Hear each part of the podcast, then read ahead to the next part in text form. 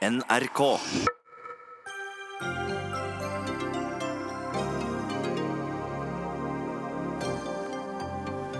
Enigheten hos søta bror har surnet. Venstrepartiet vil ikke støtte en venstre-sentrumsregjering, og Sverige er nærmere et nyvalg.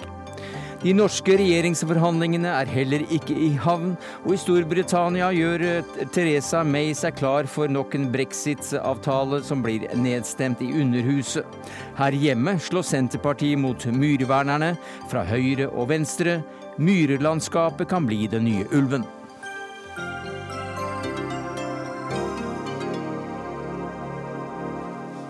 Men vi starter med det politiske dramaet i Sverige. For dem som håpet på en løsning i regjeringsspørsmålet, ja, så ble dette en skuffelsens dag. Dermed er situasjonen fortsatt uavklart, 127 dager etter valget, og Sverige er nærmere et eh, nyvalg. Magnus Takvam, politisk kommentator her i NRK, du følger svensk politikk eh, tett. Hva er det som har skjedd i dag? Nei, I dag eh, klargjorde Venstrepartiet, eh, Jonas Sjøstedt, eh, at han og partiet ikke er rede til å godta en regjering Löfven, som jo har forhandlet fram en plattform og fått den akseptert i de to eller i alle fire partiene for så vidt, i løpet av helgen. En plattform som har for sosialdemokratiet betydd at de har beveget seg veldig langt mot høyre, mot da å få eh, støtte om budsjett og en del andre konkrete saker fra Senterpartiet og Liberalene. Dette sa eh, Jonas Sjøsted nei til. Og dermed må man nå gå noen nye runder mellom Løven og eh, Venstrepartiet for at man skal kunne akseptere en regjering Løven i en votering på, på fredag, som ble da utsatt to dager. Så det er altså du og dine eh, venner i eh, Venstrepartiet. Ali Esbati, du sitter i Riksdagen for Venstrepartiet, som foreløpig har stoppet denne nye politiske alliansen å danne en regjering. Hvorfor har de gjort det? Takk. Ja, vi eh, vil jo ha Stefan Löfven som statsminister. Det har vi jo sagt lenge. Eh, men vi kan jo ikke akseptere Eh, att, eh, att rösta gult, det vill säga släppa igenom eh, Stefan Löfvens med en regeringsplattform som ser ut precis hur som helst och där, där det står att Vänsterpartiet till exempel inte ska ha något inflytande över, över politiken överhuvudtaget. Det, är, det, liksom det stora problemet är ju att, att Socialdemokraterna har gjort en överenskommelse med de så kallade mittenpartierna, eh, Liberalerna och Centerpartiet, eh, som innehållsligt ligger väldigt långt till höger i väldigt många frågor. Det får de liksom ta ansvar för. Vi kommer ju att rösta mot mycket av det innehållet. Men det måste finnas någon, några gränser för att vi ska kunna kunna acceptera att den här regeringen får bildas. Och då vill vi ha Eh, ett inflytande över det, till exempel genom löften från, från Stefan Löfven om att göra eller inte göra vissa saker. Ja, vad då för exempel?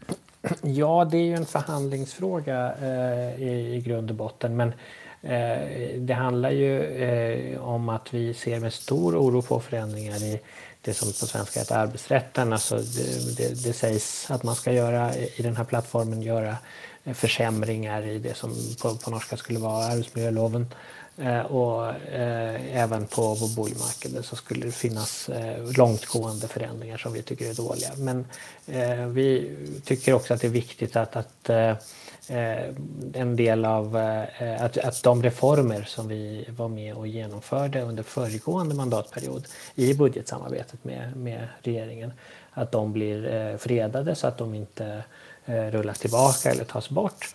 Eh, och sen så är det förstås viktigt att vi också har former för andra typer av, av påverkansmöjligheter och samarbete än den budget, det budgetsamarbete som vi nu får akseptere at, at Socialdemokraterna vil ha med Senterpartiet og, og ja, Liberalene. Ja, for Vi hørte Löfven i dag si at eh, det ikke blir noen budsjettforhandlinger med dere, men at dere kanskje kan komme inn og samarbeide på andre måter. Hva tror du om det? Ja, alltså eh, det är ju så den här eh, diskussionen har, har sett ut. Att något budgetsamarbete eh, och därmed något ansvar för den budget som, som eh, den, den här regeringen skulle lägga kommer vi inte eh, att ha. Men, eh, men det är, och, och, därför så är det ju naturligtvis extra, alltså då ser vi vad det är de vill göra med sin budget. Så ser vi att Socialdemokraterna har på ett sätt som jag tror kommer skapa väldigt stor kris för, för det partiet framöver gått med på eh, många dåliga saker. De sakerna kommer vi att rösta emot, det är helt klart. Mm. Men vi, vi, måste ändå ha vissa, eh, vissa saker som vi kan Eh, som vi kan se at den här regeringen, eh, alltså att Löfven, en kommande Löfvenregering säger att man gör eller åtminstone låter bli att göra vissa dåliga saker så att vi kan, vi kan eh, rösta eh, på gul knapp istället för röd knapp för bildandet av den här, eh, den här regeringen. Det måste är, vara det självklart för, för, för ett politiskt parti att kunna ha något inflytande eh, om mm. det krävs av en att man röstar på ett visst sätt. dere i gang med reelle forhandlinger med Sosialdemokratene nu? Jag kan inte gå in på några detaljer men ja, det pågår, eh, det pågår samtal med, mm. med Socialdemokraterna och det är ju det som också är skälet till att, eh, till att eh, talmannen då gav två extra dygn till den här processen. Vi hade ju föreslagit att man kanske då kunde ha eh, Stefan Löfven i den fjärde omröstningen istället för den tredje. Eh, men eh, nu blev det i alla fall två extra dygn. Ja, vi, ska, vi ska komma in på akkurat processen senare här. Men det er stor enighet, virker det som, uh, om at det er Sverigedemokraterna som først og fremst kommer til å tjene på et nyvalg. Er det noe dere har tatt med i betraktning? Vi er jo et skritt nærmere et nyvalg nå, med deres uh, beslutning om ikke å støtte Löfven i denne omgang? Det är möjligt att det kan eh, bli ett extraval i Sverige. Det är ingenting som vi vill ha. Eh, vi gör inte den typen av, av bedömningar av vilket parti som kan gå framåt eller, eh, eller bakåt utan vi vill ju helst lösa det här utan ett nyval men vi är inte rädda för ett nyval eller ett extraval utan Ska man, ska man mota Sverigedemokraterna eller trycka tillbaka Sverigedemokraterna så är det ju på kort sikt så att man måste ha en regering som inte gör sig beroende av dem och på längre sikt så gjelder det å føre en politikk som, som stenger deres vei framover. Ali Esbati, du var jo leder for för Manifest Analyse i Norge, og så at vi får be deg om en liten analyse her da, og et, en kort konklusjon. Går dette i orden med, med Socialdemokraterna og, og dere, eller tror du det blir et nyval? Ja, vi sikter ju på att det ska gå så att jag hoppas att det ska vara, vara möjligt och det, det är Socialdemokraterna i första hand nu som sitter med den nyckeln. Vad som händer på längre sikt är ju, är ju eh, förstås svårare att säga. Jag mm. är väldigt orolig för den politiken som kommer att, kommer att föras om man följer den plattformen som man har med COL. Men det kommer vi att opponera oss mot så det får vi se hur det blir på lång sikt. Tack ska du ha Ali Esbati i riksdagen för Vänsterpartiet. Eh, Marie Simonsen, du følger også eh, svensk politi tett. Eh, politi, politi. politikk tett. Og du skriver i en kommentar i Dagbladet i dag at motstand mot fløyene på begge sider i svensk politikk setter Sverige i sjakkmatt. Hva mener du med det? Ja, altså De har jo et annet parlamentarisk system enn oss i Estitur, hvor det er jo eh, om å gjøre nå på fredag at, at Löfven ikke var 175 stemmer mot seg. Så det er på en måte motsatt uh, av det systemet vi har. Og det gjør det jo veldig vanskelig. Det må faktisk uh, ikke bli nedstemt. Uh, når man da har en så stor motstand for ja, De hadde jo 26 av velgerne, disse to fløypartiene. Så er det klart at det oppstår en vanskelig situasjon. Men det som er underlig, er jo at at uh, Sverigedemokraterna er jo et helt spesielt parti og, og relativt uh, nytt. Mens uh, det å slå Venstre, Venstrepartiet i hardkorn med Sverigedemokraterna tror jeg de fleste vil oppfatte som svært urimelig. Eh, og, den, eh, og, Derfor er jo den konstellasjonen med Löfven, eh, de rød-grønne og Senteren og liberalerne veldig underlig. Fordi at Senteren og liberalerne har jo vært hamret løs i hele valgkampen i evigheter om at de virkelig hater venstresiden, venstren spesielt. Men også har de et hat liksom mot eh, sosialdemokraterne. Og Eh, Annie Løv eh, forsikret jo da hun la frem denne, denne avtalen, at hun eh, var fortsatt svært skeptisk til eh, fagrørselen og sosialdemokraterne. Men i valget mellom pest og cola så valgte hun da dette. Mm. Men fikk ja, var, det, var, det, ikke en sko som skulle spises? Hun, hun, skulle... hun, hun, sa jo det, at hun skulle spise skoen sin. Hun har høye hæler, så dette blir, ja, dette blir hardt for henne, tror jeg. Hilde Sandvik, du er sjefredaktør og grunnlegger av nettstedet Broen XYZ, som også er opptatt av spørsmål spørsmål i Norden. Eh, hva slags situasjon har vi fått i Sverige med dette njet fra venstresiden? Nei, nå har en 48 timer på seg på å, å lage noen eh, nye eh, avtaler som Venstre kan godta. Da. Men dette kunne en ha sett på forhånd, og det, var, det lå allerede klart på valgkvelden hvor vanskelig dette kommer til å være. Og at hvis en i det hele tatt skulle klare å danne regjering, så var det et parti som måtte gå tilbake på sine valgløfter. Og det har jo på mange måter Annie Løv gjort. Uh, og så gjør hun det på en måte Hun spiller så høyt spill at velgerne har begynt å straffe partiet. Hvis en ser på meningsmålinger nå, så har senteren stupt. Uh, og det hun egentlig ba om på fredag i sin 40 minutter lange forelesning, det var at en skulle se vekk ifra altså en femtedel av uh, nei, en fjerdedel av svenske velgergrunnlaget skulle en da bare fullstendig se vekk ifra. Eh, og en skal òg være klar over at Venstrepartiet ligger ganske langt til venstre for norske SV. Um, ja, er, det nær, er nærmere Rødt? Eh, ja, det, i en del saker så er den langt nærmere Rødt. Og Senteren-lederen er vel kanskje den nærmeste du kommer en eh, svensk Ayn Rand. Eh, så i økonomisk politikk så ligger de veldig veldig langt fra hverandre. Og så har du òg Stefan Löfven, som kommer fra fagforeningen eh, og fagforeningsmiljøer. Eh, og som skal sitte og, og, og, og, på en måte lage personkjemi med Annie Løv, som bare i 2013 sa at dette var en mann altså aldri noensinne skulle, skulle samarbeide samarbeide med. Eh, så det, så det er, altså her, er det, her, blir det en lammelse av eh, både politisk eh, debatt, men, men talmannen Norlén var tydelig irritert i dag. Lei og irritert, og nå har han sittet altså så lenge etter valget uten at en kommer noe nærmere. Så nå, er, nå, sitter jo for så vidt nå sitter Sjøstedt med, med, i Venstrepartiet. Han sitter nå med denne vågmesterposisjonen som Sverigedemokraterna har hatt. Eh, mm. og, og, på sett og vis eh, har et valg. Men en skal òg være klar over det at hvis han hadde gått inn og sagt nå at han ville være villig til å slippe inn Löfven som statsminister på det grunnlaget som var nå, så ville det være det samme som å si at Venstrepartiet skulle være en slags mm. dørmatte på vei inn i regjeringen. Marie Simonsen. Ja. Eh, altså man eh, kan jo også se dette i et litt eh, lengre perspektiv. Nå har du jo brukt fire måneder på å ikke, ikke danne regjering, men i et enda lengre perspektiv. Og da kan man spørre hvorfor vil Stefan Löfven risikere dette her? Eh, å gå sammen med sentrumspartiene. Og det er jo det du kan si at han har lykkes med på lengre sikt, er jo da å bryte opp alliansen. Den er eh, død på uoverskuelig fremtid hvis, det, hvis det ikke snur nå. Og det er et mål i seg selv, kanskje? Det kan være et mål i seg selv. Dette kjenner vi jo igjen fra norsk politikk, hvordan Jonas Gahr Støre har prøvd å få Venstre eh, eller sentrumspartiene over på seg. Og en av vinnerne her som sitter og flirer, er jo Jimmy Åkesson, som har fått det som han vil, som igjen erklærte bombastisk at nå er alliansen død, og høyreblokken er mm. nå Moderaterna og Kristendemokraterne. Eh, som selvfølgelig de protesterer på, men, men det er jo noe i det. Hva det er jo det, er bare en bitte liten mm. kanskje artighet her, men det var noen som ville foreslå i dag en forkortning for denne midten-overenskomsten. Eh, som blir da en forkortelse møkk.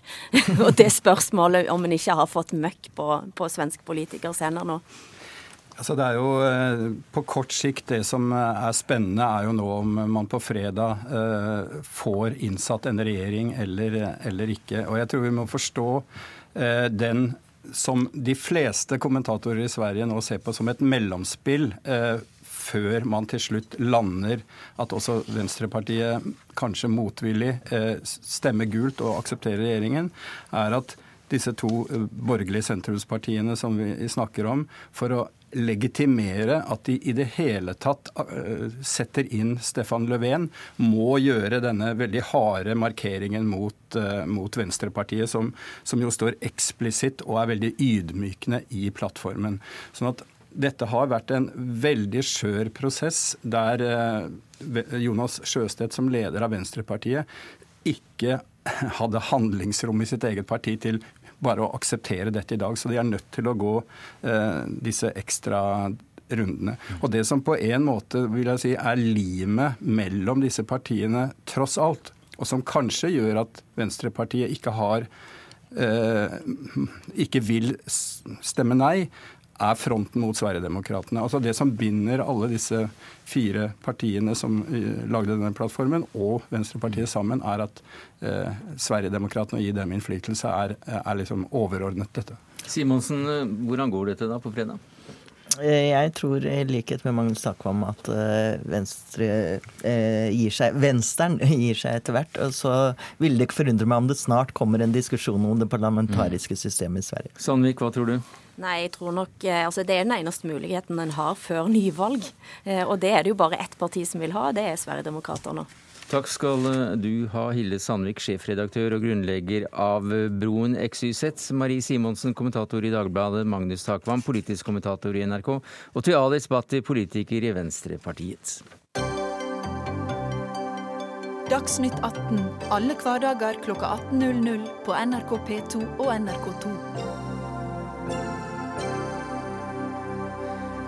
Vi skal snart ha siste nytt fra Granavolden og de norske regjeringsforhandlingene. Men allerede nå et tema fra disse forhandlingene på Hadeland.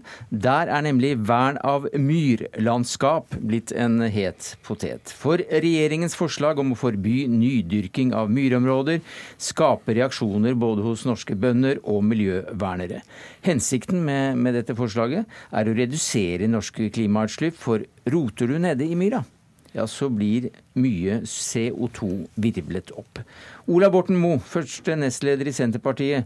Hvorfor vil ikke dere være med på å bidra og redde klimaet sånn i det små?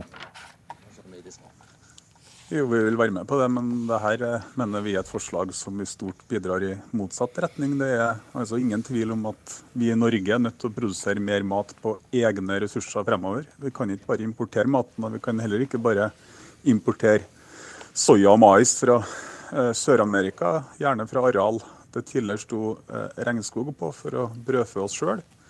Dette forslaget vil jo bety at en tredjedel av dyrkningspotensialet i Norge blir tatt ut av ligninga. Eh, I tillegg så vil det gi store konsekvenser for enkeltgårdbrukere. Hvis du kan tenke deg selv at hvis du bor en plass der det ikke er noe annet areal å ta av enn myrareal, så setter Stortinget en stor strek over alle mulighetene for utvidelse og tilpassing til nye tider. Det er ganske dramatisk. Og endelig så mener vi at det her er veldig dårlig utreda. Det er mangelfullt beslutningsgrunnlag. Det er dårlige tall, det er usikre tall. Eh, man tar f.eks. utgangspunkt i dyrkningsmetoder som ble forlatt på 70-tallet, når man da skal regne på effekten mm. av et tiltak som man skal sette i gang i dag. Og så føyer seg godt inn i rekka ja. av meningsløse forslag fra denne regjeringa, som egentlig er symboldrevet, uten, liten, uten stor eh, effekt. Hva nevne i fleng? Nei, jeg tror ikke du skal nevne mer nå, for nå har du jammen fått vært deg ganske Ja, du har fått tømt deg ganske bra. Hva? Tom Christer Nilsen, du er stortingsrepresentant nettopp fra, for regjeringspartiet Høyre, og du er medlem av næringskomiteen. Hvor viktig er det da å, å ta fra grunneierne retten til å bestemme over egen eiendom? ja, for å si, det var jo en eh, fin måte å stille på. Det, det skal vi ikke gjøre. Men eh, på samme måte som alle andre, så må også de som eh, ønsker å dyrke opp myr, forholde seg til at vi, eh, vi har en, eh, en, klimautfordring. Nå vet jeg at den ligger ikke fremst i pannen til Ola Borten Moe. Det, det, har vi jo opplevd gjentatte ganger. Mm -hmm. Men det som vi har gjort når det gjelder å dyrke opp myr over historien i Norge, det står nå i dag for ca. 2 millioner tonn CO2-utslipp i året. Det er historien. Så er spørsmålet skal vi fortsette med det og gjøre det. Ehm, da vil vi eh, lett komme i en situasjon hvor vi øker det årlige utslippet vårt et eller sted mellom 200 000 til 400 000 tonn mer. Og dette er ikke tulletall. Dette er telt bl.a. fra Nibio, som normalt ikke som normalt ikke gjør noe annet enn å regne på den beste mulige mm. løsningen for beste mulige tallene for, eh, for landbrukssektoren. Og vi, eh, vi, vet ganske godt at og de dyrkningsmetodene som jeg snakk om, har lite betydning for akkurat dette. Det er i prinsippet ganske enkelt mm. sånn. Ola Borten Moe, her hører du at dette er ikke tulletall? Jo, det er, altså Nibio selv tror jeg er bare måtelig fornøyd med det her. og Man har jo understreket etterpå at man foretrekker at man Nei, man skiller mellom når man ikke liker tall og når man ikke tror på tall, altså. Nei, Nettopp pga. noen av de tingene jeg tok opp nå. Myr eh, dyrkes, man har ikke tall på det heller, for vi skiller ikke mellom hva som blir dyrka av myr og andre ting. Men det finnes anslag på ca. 2600 dekar i året. Det er under, altså det er om lag halvparten av det man bygger ned av matjord ellers i Norge. Som går til veier, husbygging, kjøpesenter, den type ting. Det er jo ikke myr vi mangler i Norge. Det er det. Det er det matjord vi mangler. Vi må ta både vare på den matjorda vi har, og så bør vi bygge ut eller dyrke opp mer matjord. Men den matjorden vi trenger, ikke, den, den, myren vi nå snakker om, er ikke egnet til den matjorden vi har sterkt behov for. Mm -hmm. Vi hadde et sterkt behov for matjord av høy kvalitet som kunne vært brukt til belgvekster og til eh, kornproduksjon. Den myren vi nå vil dyrke opp i fremtiden, fordi vi har dyrket den beste myren allerede, den myren vi nå dyrker opp i fremtiden, den vil vi bruke til grasproduksjon. Mm. Og det har veldig sterke negative klimaeffekter av dette, så vi er nødt til å gjøre noe. Men det er ikke bare å dyrke den der myra, men det er også å bygge den ut. Også regjeringspartiet Venstre har tatt saken inn i regjeringsforhandlingene, og vil ha enda tydeligere vern om norske myrer. Og eh, SV eh, vil da ha, ha nei til nedbygging av mur, altså vei og, og næring og boliger. Altså, hvorfor fremmer dere dette forslaget, Lars Haltbrekken? Du er stortingsrepresentant for SV. Det er for å kutte kutte utslipp av eh, klimagasser. Og det å både bygge ned og dyrke opp eh, myr gir svært store utslipp av eh, klimagasser. Vi snakker hittil om et årlig utslipp tilsvarende 700 000 privatbiler, så det er et betydelig utslipp. Og så er det jo sånn, internasjonalt så jobber Norge for at fattige land som Indonesia skal ta vare på sin, uh, sine myrområder. Nettopp nettopp fordi at disse myrområdene er store karbonlager. og Begynner man å ødelegge dem, så får du massive utslipp. Og når vi jobber for at Indonesia, som er et relativt fattig land, skal ta vare på sine myrområder, så bør vi i anstendighetens navn klare å ta vare på vår egen Internasjonal solidaritet, Borten Moe. Vel, vi jobber jo for at andre land skal plante mer skog, men det er jo ikke noe ønske i Norge om å plante mer skog. og Det mener jo ikke Lars Haltbrekken heller, selv om det kunne ha bidratt med enorme reduksjoner i de norske CO2-utslippene. Eh, myr er ganske marginalt, og det som mange gjør i denne debatten, som man sier at det slipper to millioner eh, tonn årlig og så sier man at hvis vi slutter med det, så opphører utslippet. Nei, det, det, er jo akkurat et like meningsløst argument som å si at hvis vi, hvis vi faser inn en elbil, så slutter utslippene av den norske bilparken. Så vi vil jo uansett trekke med oss de her utslippene fremover. Et øyeblikk, Vi må nesten slippe til, vi må nesten slippe til Høyre, som er uenig i premissene. Et øyeblikk, Borten. Et øyeblikk. Et øyeblikk. Nå, nå, nå, nå, forvirres det bevisst. Fordi at det er klart at eh, Utslippet fra myr etter hvert som det dyrket opp, synker etter år, eh, over år. Eh, men det vi snakket om, og det vi her snakker om, det er fremtidig oppdyrking av myr. Og Jeg var ganske tydelig i mitt første innlegg på at eh, det som er gjort, det er gjort. Det kan vi ikke gjøre noe, noe med. Men det å gå i gang der vi har et depositum, eller et depot som ligger med 3,5 milliard tonn CO2, og begynner å fikle det, mm. når vi sier alle andre steder i verden, om det er taigaen i Russland eller om Indonesia eller om det er regnskogen i, i Amazonas, så sier vi at dette er galskap. Mm. Borten Moe. Ja, jeg syns at det er ganske oppsiktsvekkende når en stortingsrepresentant fra Høyre sier at det er galskap å dyrke myr i Norge for å bruke det til matproduksjon i et klimaperspektiv. Jeg skal kort fortelle hvorfor. Nibions sin rapport legger til grunn dyrkningsmetoder som vi i Norge brukte på 70-tallet. I, I, år, eller i dag så bruker man ikke lenger de metodene. Man snur om på jordsmonnet og man legger et lokk med matjord eller annen jord oppå som man dyrker, og så tar man vare på den djupmyra eller den opplagra organiske massen som ligger. Men det har ikke Nybø tatt høyde for, og det tar heller ikke regjeringa høyde for. og Dermed så fatter man da eh, denne beslutninga på et veldig feil grunnlag. Og så hopper man da bukk over både den private eiendomsretten, mulighet til mer matproduksjon i, i, Norge, og så er det da, som jeg sier, et nytt symbolvedtak i rekken av andre. Er det bare et symbolvedtak, Håbrekken? Over, Overhodet ikke, og det er nett nettopp derfor både miljøorganisasjoner og mange andre ber oss om å ta vare på myra i Norge. og Det er også derfor Norge jobber for at Indonesia skal ta vare på sine myrområder. fordi at Hvis vi ikke gjør det, så får vi store utslipp av klimagasser. Det Borten Moe har rett i, og som vi i eh, SV eh, jobber for, det er jo eh, å øke matproduksjonen framover. Så dette betyr jo at vi må få samtidig et mye mye sterkere vern av den dyrka marka mm. vi har. Men det er et annet uh, spørsmål som vi kan ta opp en annen gang. Mm. Uh, Ola Borten Moe, når du ser på uh, at det er en tredjedel av den udyrkede, brukbare jorda i Norge som, som du ikke lenger kan få lov å dyrke eller bygge ut til næringsparker etc. Hva vil Senterpartiet gjøre med dette? Nei, vi er mot det her, men regjeringa foreslår jo tross alt bare at det, er kun landbruket som skal forbys å ta i bruk myr. Så all annen bruk av myr er jo eh, regjeringa for. Da er ikke CO2-utslippene så viktig lenger.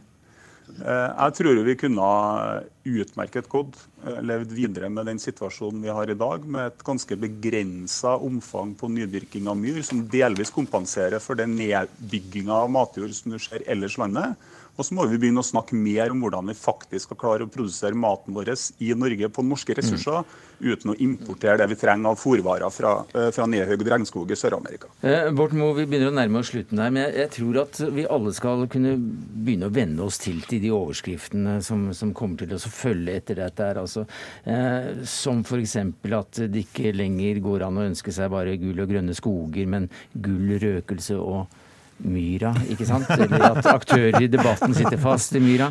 Og de som har lyst på å høre mer om myr, kan gå inn på nrk.no og lese saken 'Grandes skrytesak ligger i myra'. Takk skal dere ha.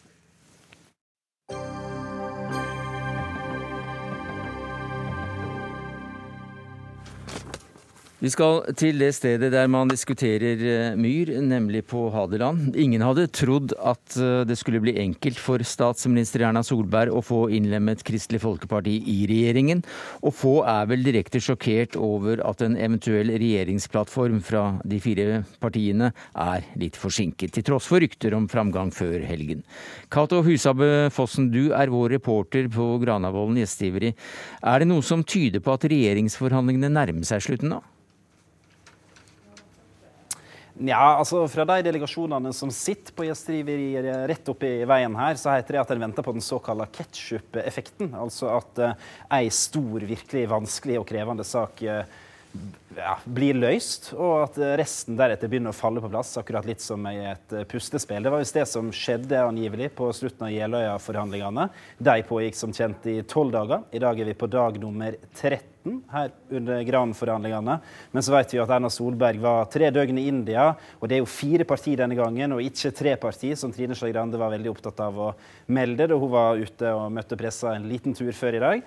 Eh, men eh, sånn som det ligger an nå, så snakker vi nok tidligst onsdag-torsdag. Det er ingenting som tyder på at det er i mål i morgen. Men hvis vi følger eh, det bildet som du ga oss her, hva, hva er det som sitter fast i korken på ketsjupflaska akkurat nå, da? Nei, Det presise bildet på det er det jo bare de tolv rundt uh, lunsjbordet eller forhandlingsbordet som, som har. Men uh, det Kilde sier til oss, at det er fortsatt de kjente konfliktsakene. Det er innvandrings- og asylbiten der Frp er veldig opptatt av at antallet kvoteflyktninger på 3000 for alt i verden ikke skal opp. Det er jo allerede på et ganske høyt nivå, tre ganger så høyt som under den rød-grønne regjeringa. Så vet vi at KrF de ønsker å øke dette til 5000, og Frp har lovt seg sjøl og sine en klar seier på innvandring utfordring i disse forhandlingene. Så hva de skal få, er, er spennende. Og så ellers er det usemje innenfor ruspolitikken. KrF de vil eh, Venstre sin store seier fra i fjor til livs. Forsøk med heroinassistert eh, behandling. Det vil ikke KrF eh, ha noe av. Det er en nødt. Og så er det jo, som vi hadde en inngående debatt om akkurat denne Myhr-saka, der òg KrF og Venstre står mot hverandre. Sjøl ikke på klima klarer de to sentrumspartiene å være enige. Takk skal du ha, Cato Husabø Fossen. Vi hører fra deg med en gang det eventuelt blir noe bevegelse i, mellom partene her. Berit Aalborg, du er redaktør for Politikk og verden i eh, Vårt Land. Blir de enige? Jeg tror de kommer til å bli enige, hvis jeg skulle vedda penger på, at, på, hvilken vei det går. Det tror jeg, og det er ganske god sjanse for det. Men det er klart at eh, etter at de bestemte seg for i slutten av forrige uke på å kalle inn landsstyremøtene sine I dag? I dag, klokka tolv cirka, Litt tidlig klokka tolv i dag så har det skjedd ting som har vært vanskeligere enn det de hadde sett for seg. Hva kan det være? Nei, altså Jeg tror det er veldig riktig det som, eh, som innslaget før eh, han sa, at det er bl.a. Eh, asyl- og flyktningpolitikken er veldig vanskelig. Og så har du flere andre vanskelige. Du har rus og alkohol. Du har flere sånne Klimapolitikken har vi sett tydelig at Venstre har gått ut litt sånn anonymt, da.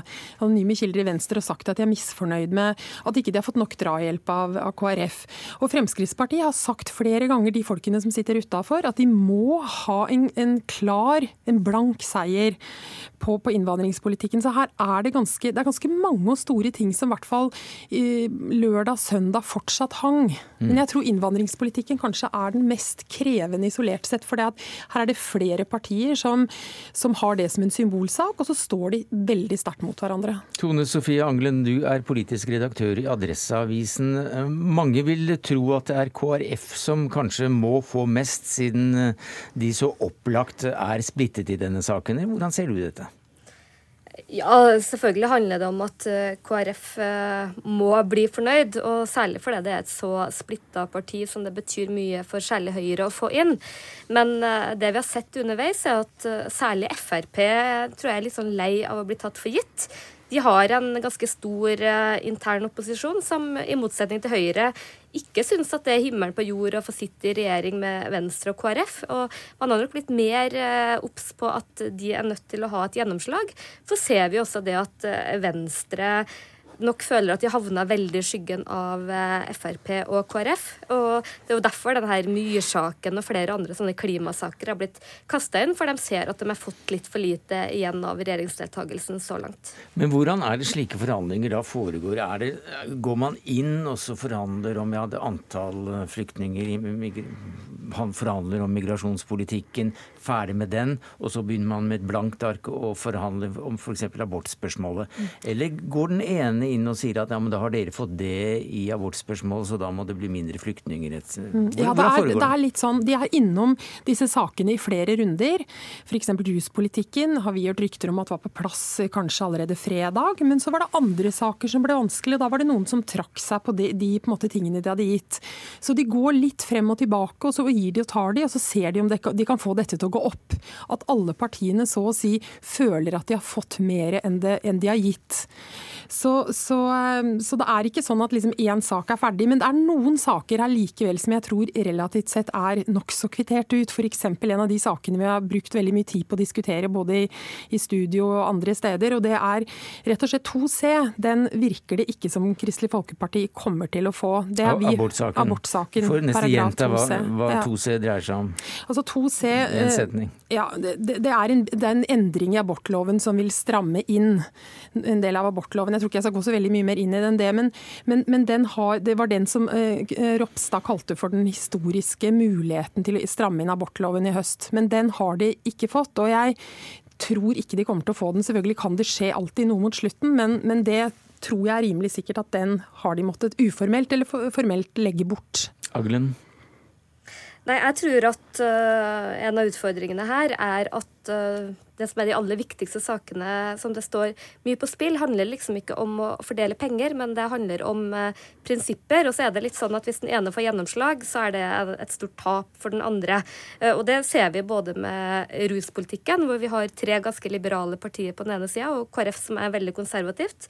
Og vi ser også det veldig godt i innvandringspolitikken. Og det er veldig vanskelig å finne de her gulleggene hvor man klarer å kommunisere godt at begge to har vunnet. Så blir det ekstra komplisert med at det er mindre penger penger i omløp, og det er ikke så lett å, å smøre eh, her, eh, disse her forhandlingene med mer penger til gode saker, f.eks. til barn og barnetrygd og sånt, som koster veldig mye penger. Men har vi noen gang opplevd at det har vært større splittelse mellom regjeringspartiet som forhandler om en regjering, enn det vi har i dag, mellom KrF og Fremskrittspartiet, Agelund?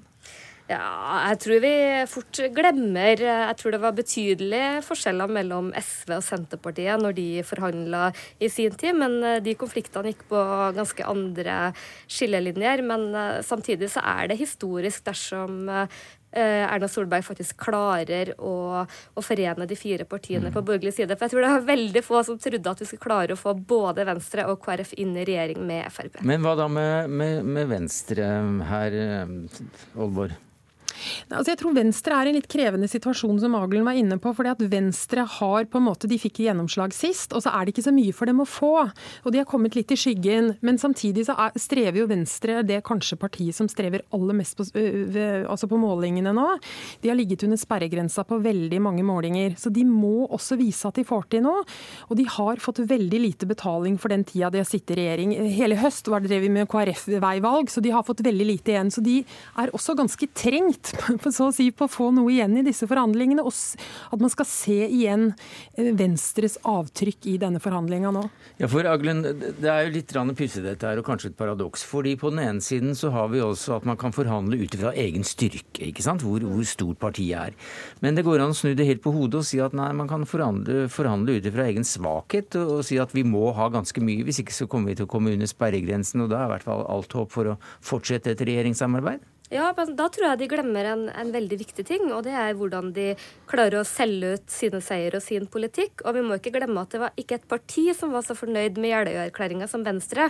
De var jo nærmest i lykkerus, men likevel har de i liten grad klart å både å selge ut alt det de har fått til, og også synliggjøre og ikke minst øke på målingene. Og det tror jeg handler veldig mye om hvilke posisjoner mm. de har i regjering, og hvilke statsråder de har. Så jeg tror nok at i Venstre så vil nok vel så mye debatten i ettertid også handler om de har eh, de rette departementene og de rette statsrådene. Og det vil nok også KrF få slite litt med. Ja, for nå, nå, er du inne på hva som skjer etter at vi får denne plattformen servert i løpet av uka, som de fleste da spår, bl.a. Eh, dere. Eh, hva blir prosessen videre nå, Olborg? Nei, Hvis de greier å bli enige om denne plattformen, så skal de jo aller først, hvis de, de som sitter der oppe og forhandler blir enige, så skal de jo også gjennom fora i ulike fora i partiet, både, både landsstyremøtene og stortingsgruppene. Og så vil det ta noen dager. Jeg tror Når de sa at de prøvde å få til dette på mandag, så var nok det kanskje med sikte på at de allerede kunne ha en ny regjering ferdig til fredag. Det tror jeg ikke vi kommer til å se nå. Sånn at etter at man er ferdig med plattformen, har blitt enig, og dette er blitt Alle partiene har godkjent det, hvis de gjør det, og det ligger jo mye an til at det kommer til å skje, så vil det ta noen dager, og så vil man få utnevnt nye statsråder. Og det er veldig mye sannsynlig at vi også kan få se noen nye statsråder i de andre partiene, rett og slett fordi man skal legge hele kabalen på nytt. Ja, og så Kabalen legges der oppe på Hadeland nå. Det er vel slik at taburettene også fordeles? Til en viss grad gjør det det, men så er det nok sånn at man må nok sondere litt overfor partiene. Det er nok noen som er veldig sannsynlig. La oss si du ser på KrF, da. Så er det veldig sannsynlig at de to nestlederne skal inn. Men så skal man jo også ha en runde da, og, og sondere litt hvem andre, hva, hva, resten av partiet på en måte trenger for å akseptere, akseptere en plattform og en regjeringsdeltakelse. Og da kan det være at man vil velge kanskje litt ulikt ut ifra hvor mye hva som er liksom reaksjonen i partiet også. Vi har snakket om de tre mindre partiene, men det største, altså Høyre. Hva har de å vinne og tape akkurat i innspurten nå, Angelen? De har jo alt å vinne på å få til en uh, firepartisregjering. Det har vært Erna Solbergs store drøm, og det vil også gjøre henne historisk. Uh, så virker det jo litt som at bare de sitter i regjering og alle er med, og Erna er statsminister, så alle er fornøyd. Men samtidig så har de heller ikke så stor grunn til å være uh, misfornøyd, for det går veldig bra med dem på meningsmålingene. De har et solid mannskap i regjering, og det virker også som stortingsgruppa har godt spillerom og er noenlunde fornøyd. Så for dem så er det vel bare oppsider akkurat nå. Og så er det jo litt sånn at um, Høyre vil jo også tross alt sitte med flest departementer. Og den, i den dag-til-dag-politikken når man sitter og regjerer, så kan man putte veldig mye av sin egen politikk inn i departementer og utførelsen av det som står i en sånn regjeringsplattform. Så det er viktig for Høyre, og de vil kunne utføre mye høyrepolitikk, rett og slett. Men hva slags, hva slags regjeringskabal er det vi kan se for oss da? Altså, Aalborg nevnte et par KrF-godbiter i regjeringen. Hva tror du, Aglen? Nei, Det er vel ganske åpenbart at uh, KrF skal ha tre statsråder, og at uh, Venstre fortsetter med tre. Og så mister Høyre Frp en hver, og de klarer vel å trylle fram en ny statsrådpost. Så er det litt spennende fordelinga mellom der. Der er det jo veldig mye spekulasjoner både om hvem som skal ut og, og hvem som skal inn. Og da tror jeg det er utrolig viktig, særlig for de små partiene, å velge statsrådposter som gir dem gode muligheter til å synliggjøre sine hjertesaker. Men eh, statsråd eh, minister Astrup han sitter ganske, ganske utrygt? Eh, kanskje.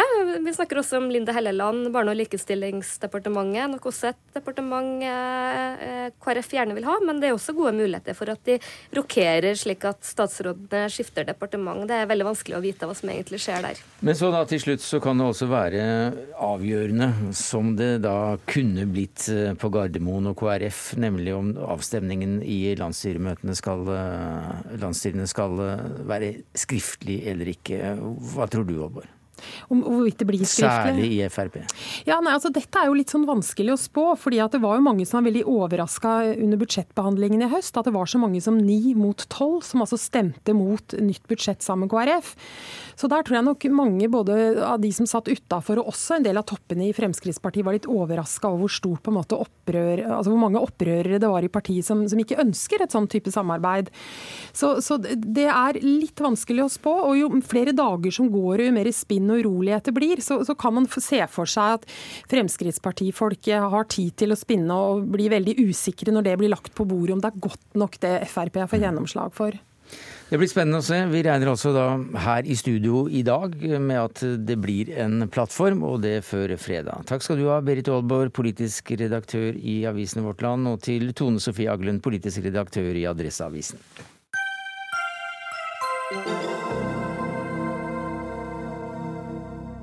Teaterstykket Oslo, eller Oslo, tok hele Broadway med storm høsten 2016. Stykket ble bl.a. premiert med to eh, Tony-priser, og nå er det satt opp, da, endelig, i Oslo, og det på Det Norske Teatret. Forestillingen tar for seg hemmelige diplomatiske bakkanalen med Terje Rød-Larsen og Mona Juel i spissen, som også førte til den historiske fredsavtalen mellom Israel og Palestina, som gikk ganske galt. Men dette er ganske uhistorisk, ifølge en professor vi snart skal få med oss. Men først eh, ut er deg, Karen Frøysland Nystøl. Du er teaterkritiker for NRK. Du må nesten fortelle oss hva slags stykke det er. Ja, Det er jo som du sier et stykke om en den hemmelige fredsprosessen som leder fram til Oslo-avtalen i 1993. Et den gang veldig stort øyeblikk i vår nære historie. Eh, og så er hele forestillinga satt sånn at man ser historier fra Terje Rød Larsen sin synsvinkel, og det, det preger forestillinga hele veien igjennom. Ja, Hvordan framstår karakterene, altså de viktige karakterene Mona Juel, Terje Rød Larsen etc.? Nei, det, For meg så er det nesten som om Terje Rød Larsen står i midten og, og spinner denne historien, altså forteller nå at alle andre nesten er statister i hans store fortelling. Uh -huh. Sånn var kanskje ikke virkeligheten, men sånn er det her. Og hvem har egentlig monopol på sannheten om prosessen og Oslo-avtalen? Dette er én versjon av historien. Ja, En av de som, eh, om ikke mener jeg har monopol på det, som eh, da iallfall er veldig interessert i, eh, i den historien, det er deg, Hilde Henriksen Våge. Du er professor i historie ved Universitetet i Oslo, og du har jobbet med Midtøsten-problematikk i en årrekke, ikke minst disse, med disse Midtøsten-forhandlingene. Du har lest manuset som Broadway-suksessen er, er grunnlagt på. Hva synes du om stykket slik du leste det? Nei, jeg har ikke sett eh, stykket, og jeg har ikke sett den norske versjonen. Men jeg har lest eh, det engelske manuset, og jeg går ut fra at Det Norske Teaterets oppsetning eh, er egentlig sånn i pakt med det engelske manuset. Og der er det jo soleklart for en som er historiker, og som har jobba med dette i mange år, og med alle dokumenter og forsvunne dokumenter om dette, at dette er ikke fiksjon. Dette er ikke en eh, hva skal jeg si, dokumentar. Det er en historiefortelling som formidler Terje Rød Larsen og Mona Juels budskap. Og da særlig Terje Rød Larsen i rollen som Espen Askeladd. Altså Dette er eventyrfortellingen, og det er den versjonen som eh, de fleste nordmenn også ble leda til å tro eh, idet eh, glorien fra denne avtalen liksom mm. seilte inn over hele Norge. Så hva er din dom over dette, da, som historiker? Eh, altså, En historiker har jo ingenting med eh, å sette opp repertoaret på Det Norske Teater. Nei, det, det må jo være helt klart. Det skulle tatt seg ut. Jeg hadde sikkert likt det, men det har jeg ingenting med. Men, men det jeg synes, er at eh, teatret har jo også en rolle. Og de må også være klar over hvilke rolle, hvilke politisk rolle og hvilke budskap som teatret er med på å formidle.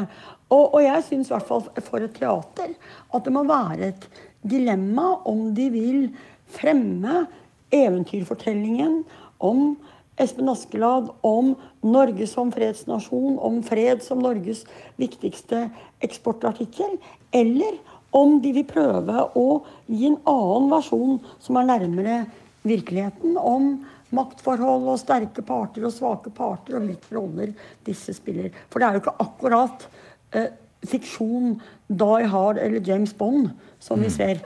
Det er bygd på virkeligheten. Erik Ulfsbø, sjef ved Det Norske Teatret, også da brudd på virkeligheten. og Slik setter du opp. Hvorfor det? Altså, sannheten er jo ikke teatrets utgangspunkt. Teatrets utgangspunkt er eh, en god fortelling, en god historie, som kan skape eh, debatt og engasjement. Eh, og dette er en eh, god historie, og den er godt fortalt. Eh, og det er fiksjon, og det blir uttalt med store bokstaver både av dramatikere og i programmet at dette er fiksjon. Det er eh, ikke riktig som, som, som, Våge sier her, at dette er en, en nærmest en hyllest av Terje Rød Larsen. Eh, dette er, eh, som det ble sagt fra, fra Nystøl her, en eh, fortelling med Terje Larsen som slags edderkopp i et spindelvev. Eh, det er helt riktig at han kommer til orde og sier sin versjon, men det er akkurat like riktig at det er fullt av karakterer rundt han som sier f.eks. at han er en oppblåst dilettant, en undertøyselger som later som han er diplomat. Det går fullt ut an å lese denne forestillingen eh, som en raljering over Norges eh, rolle som mm -hmm. eh, vaffeldiplomater. Men slik, det går an å se Terje Larsen som en, en tullekopp også. Men, men, Dette vet jo ikke Våge noe om, som ikke har sett forestillingen. Nei, men hun har da lest uh, det engelske manuset. Ja, det er en helt annen sak. Jo, er det, det, Men det er det vi bygger på, akkurat den lille samtalen vi har rundt bordet her. Da. Det skjønner jeg. Uh, og Hilde Henriksen Våge, hva, hva, er faren ved å sette opp en slik fiksjon som du ser det da, som er eventyrfortellingen? Altså For det første så er det ikke en helt annen sak at dette, den norske forestillingen er bygd på det amerikanske manuset. For fordi jeg går for at det fins rettigheter eh, til manus og åndsverk og sånn, også i teatret. Så, så det, er, det, er, grenser for hvor mye Det Norske Teater kan avvike fra det opprinnelige engelske manuset. Det er jeg ganske sikker på. Men poenget mitt er at dette er ikke fiksjon. Eh, altså Hadde det vært James Bond eller Die Hard, så hadde det vært greit. Men dette er ikke fiksjon.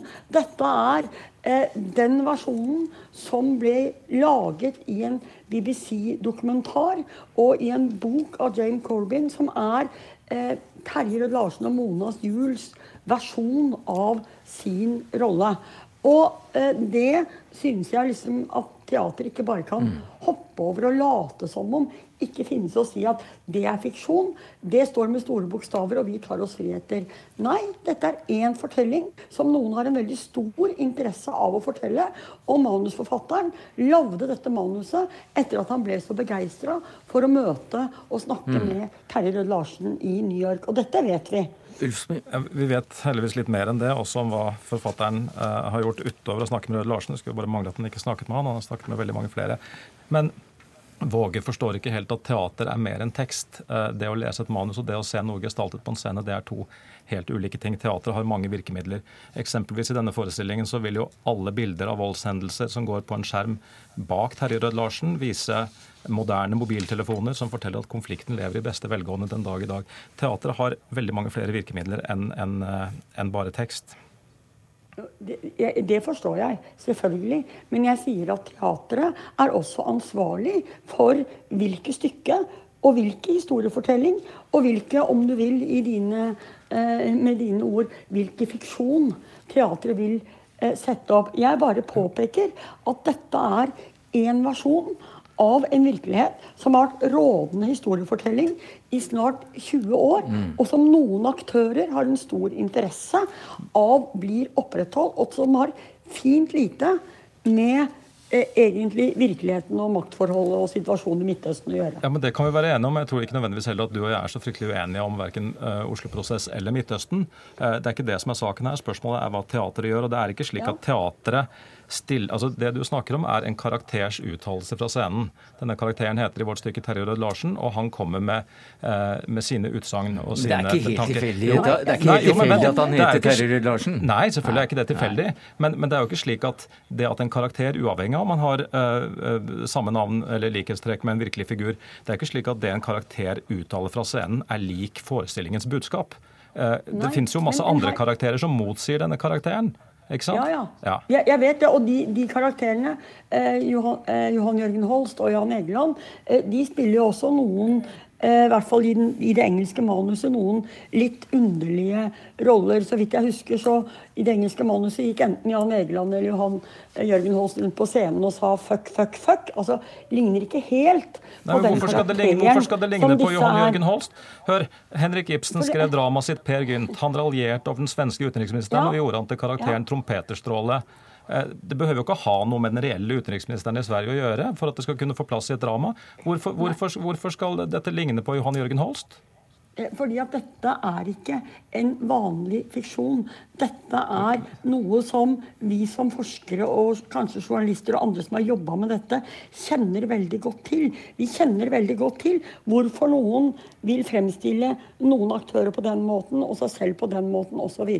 Dette vet vi. Derfor er det så problematisk at ikke det er en ren fiksjon, men det er en slags sånn blanding i og med at det er en historiefortelling kun fra ett perspektiv. Men, men og da spørsmålet bidrar det til eh, forståelse av eh, konflikt i verden? Bidrar det til hvordan man skaper fred og forståelse av situasjonen i Midtøsten? Ja, det mener jeg at det gjør. fordi at det bidrar bl.a. til denne debatten. Og jeg tror at alle de publikummene som er og ser denne forestillingen, går ut eh, med tanker, med diskusjoner, med motforestillinger. Og det er teatrets agenda. Det er ikke slik at Terje Rød Larsen setter en agenda på norske teatre.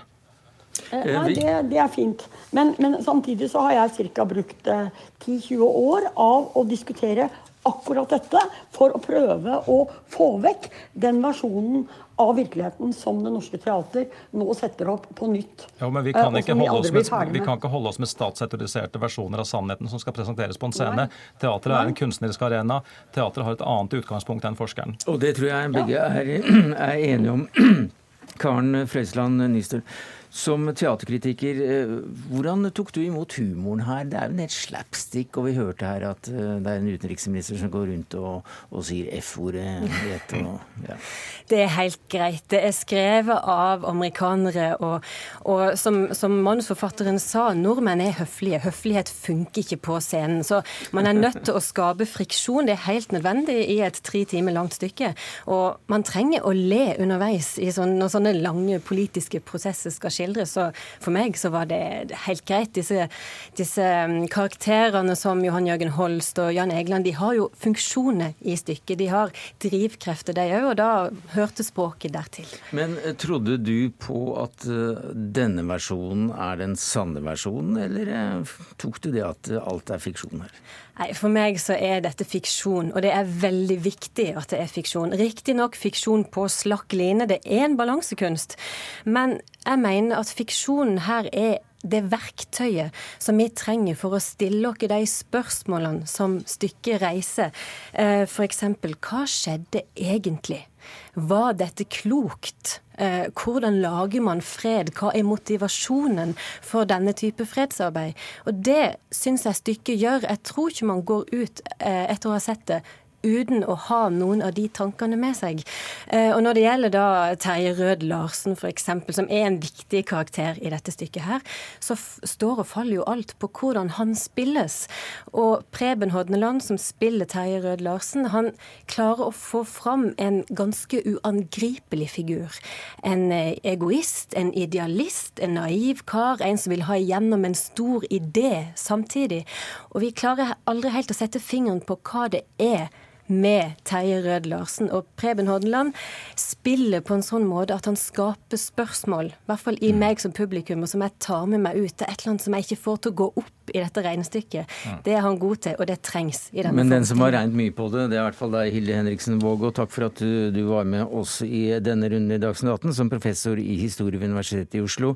Erik Ulsby, sjef ved Det Norske Teater, og Karen Frøysland Nystøl, vår teateranmelder.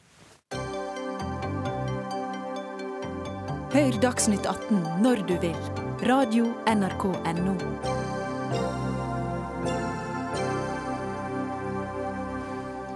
Det er ikke bare i Norge og Sverige at det er spennende dager for landets regjeringer og innbyggere. Med all respekt for eh, Granavolden-forhandlingene og riksdagskaoset, så er verden mer opptatt av konsekvensene av at Europa blir isolert når Storbritannia trekker seg ut, for å ta eh, ordformuleringen fra en gammel avisforside, eller hva det var. I morgen skal Underhuset stemme over brexit-avtalen, og det blir nei tror statsminister Teresa May og de fleste andre. We're leaving on the 29th of March. I've been clear that I don't believe we should be extending Article 50, and I don't believe we should be having the second referendum. Uh, we have uh, that instruction, we have it from the British people to leave. I believe it's our duty to deliver on that. I want to do it in a way that is smooth, that is orderly, as, as I've just said, protects jobs and security, and protects our union. Theresa May fra en pressekonferanse tidligere i dag. Er det ikke slik, London-korrespondent Øyvind Nyborg, du følger det politiske dramaet i London tett, at dette er allerede avgjort? Hun blir nedstemt i morgen? Jo, eh, det som det knyttes eh, størst spenning til, er bare rett og slett hvor stort nederlaget for Theresa May kommer til å bli. Og hva skjer da?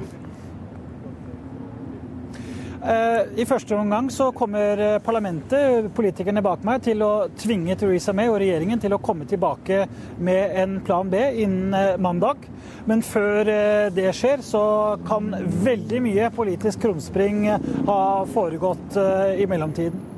Ja, Ut ifra de spådommene som er kommet, så kan altså disse krumspringene føre til en, en lengre utsettelse av hele prosessen. Hvordan kan det skje? Ja, Det er eh, et eh, alternativ. Problemet nå er jo at eh, det ikke er noe flertall for brexit-avtalen. Men det er heller ikke noe klart flertall for noe annen løsning. Men som jeg var inne på, det er mange som vil kjempe for sin sak. Noen vil kjempe for en folkeavstemning. Noen vil kjempe for en løsning slik vi har, et EØS. E noen ønsker seg et så klart brudd med EU som mulig. Altså at man går ut av EU uten noen avtale i det hele tatt. Og så kan det komme til, eh, rett og slett pga. denne handlingslammelsen, så kan det komme til at man er nødt for å be Brussel om en utsettelse. Og Brussel har jo sagt at eh, ja, det, det skal dere få dersom dere har en saklig god grunn til det. Men vi har også da hørt at eh, hun bør da komme opp med et annet forslag innen tre dager når dette blir nedstemt i morgen. Hva er det for noe? Ja, Det er ikke godt å si hva hun kommer til å gjøre, men, men eh, slik situasjonen er, når eh, parlamentet ikke klarer å enes om noe, eh, hun har bare ett alternativ, så kan det godt hende at hun kommer tilbake til parlamentet med et nytt forsøk på å få igjennom denne omstridte brexit-avtalen, som mange her Eh, tror eh, vil føre til at Storbritannia vil ha en altfor stor fot innenfor EU også etter at de har eh, forlatt unionen. Og det er det som er det store problemet for britene. Men det britiske Arbeiderpartiet er altså da vel egentlig for å være medlem av EU, mens lederen er imot. Hvordan forvikler det seg inn i det som nå skjer?